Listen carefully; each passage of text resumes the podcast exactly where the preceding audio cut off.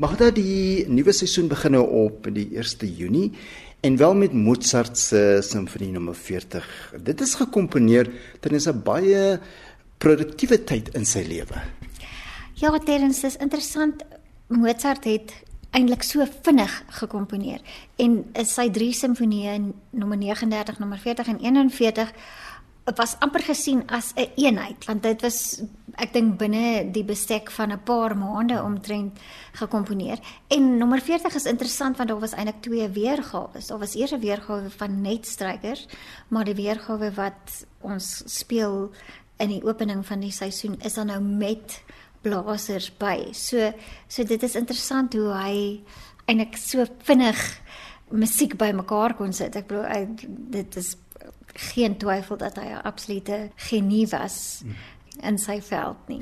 En dat hy nog ook van die werke kon hersien in dieselfde tyd. Presies, ja nee, 'n mens mens kan amper nie jou indink hoe hy dit kon gedoen het nie, maar dit is nou maar seker.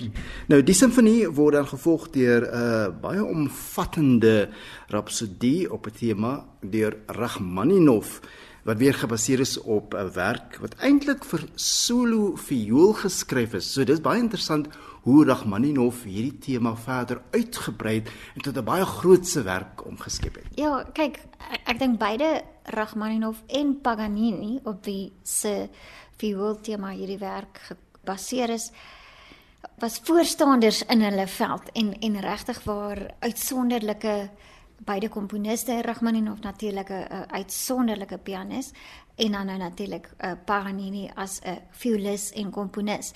En en dis interessant in daardie tyd wat dit gekomponeer is dat Rachmaninov dan nou die tema gebruik het en hierdie 24 variasies geskryf het. So dit is dis aan die een kant is dit 'n klavierkonserto, maar dit is eintlik 'n een eendelige werk wat bestaan uit hierdie klomp fantastiese variasies op 'n op 'n pragtige tema van Paganini en ek dink daar's 'n paar temas wat 'n mens nie eens besef jy ken dit nie maar want jy's net so gewoond daaraan om het sy met 'n tema musiek van 'n van 'n radioprogram of uh, ek dink selfs televisie advertensies is vir een of twee van die variasies gebruik. So 'n lieflike lieflike werk en wel uitdagend vir beide solis en orkes. spesifiek nie omdat die orkes so besig is nie, maar omdat dit so half sulke klein stukkies is wat die orkes die heeltyd moet op hulle op hulle hoede wees van wat volgende kom. Natuurlik veral uh, uit my oogpunt vir die timpani en die slagwerk afdeling is dit dit hou mens besig en op jou tone. Die konsert word dan afgesluit is nou die 1 Junie se konsert met uh, Schubert se uh, simfonie 'n baie ongewone werk, 'n interessante werk waaroor daar al baie geskryf is en nog steeds bespiegel word. Ja, dit dit is mens wil amper sê as jy nou vir jou studente vandag moet sê, dit is nou wat jy nie moet doen nie, want dit voel 'n bietjie of Schubert eers op 'n stadium belangstelling verloor het en en die werk op ys gesit het en toe nou met ietsie anders begin het. Die die simfonie wat bekend staan as die onvoltooide simfonie voel half asof hy eintlik nog 'n stukkie benodig.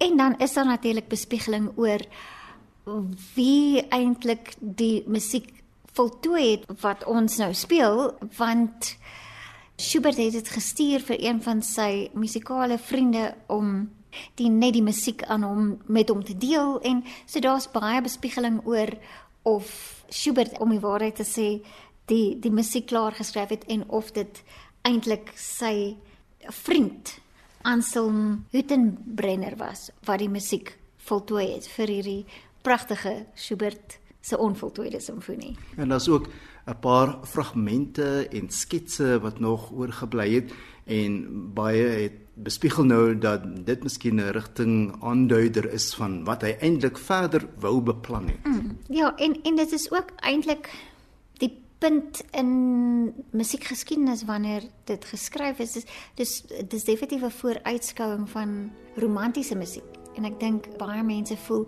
hierdie simfonie is amper die begin van die romantiese era.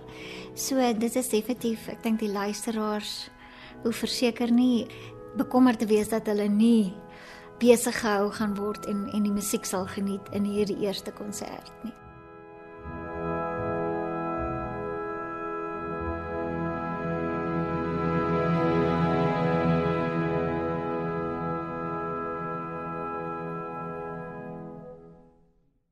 Dan beweeg ons na die tweede konsert. Dit is die een op die 8ste Junie.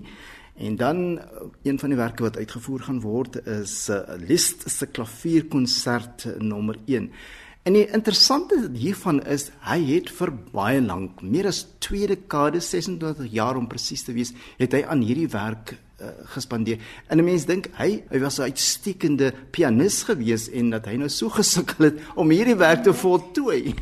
Ja, en en dis ook daardie ding van mens weet nie presies wat het dan nou gebeur? Wat was die rede hoekom hy miskien ook weer eens so Schubert van koers af hmm.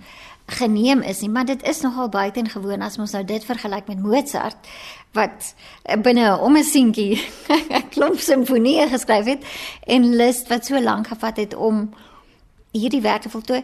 Dit is natuurlik 'n 'n absolute fantastiese komposisie en daar's 'n bietjie van 'n 'n 'n musikale grap of skerts oor die die begin van die van die konserto.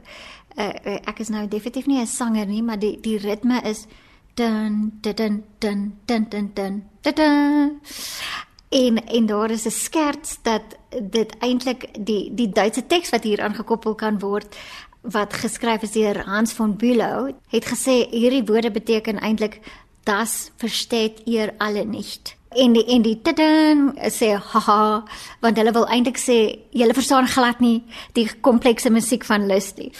Maar dit is dis 'n fantastiese komposisie en nou weer eens uit uit my uit die uit die slaginstrument departement se se oogpunt natuurlik is die laaste beweging voel omtrent soos 'n driehoek konserto en en die luisteraars mag dalk nou lag.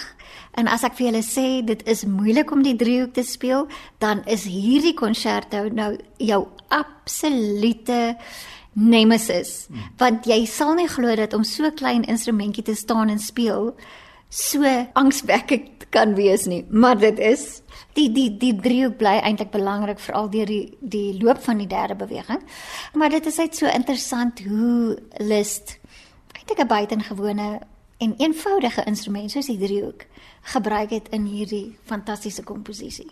En dan word die aand nou afgesluit, dis die 8ste Junie met Dvorak se simfonie nommer 8.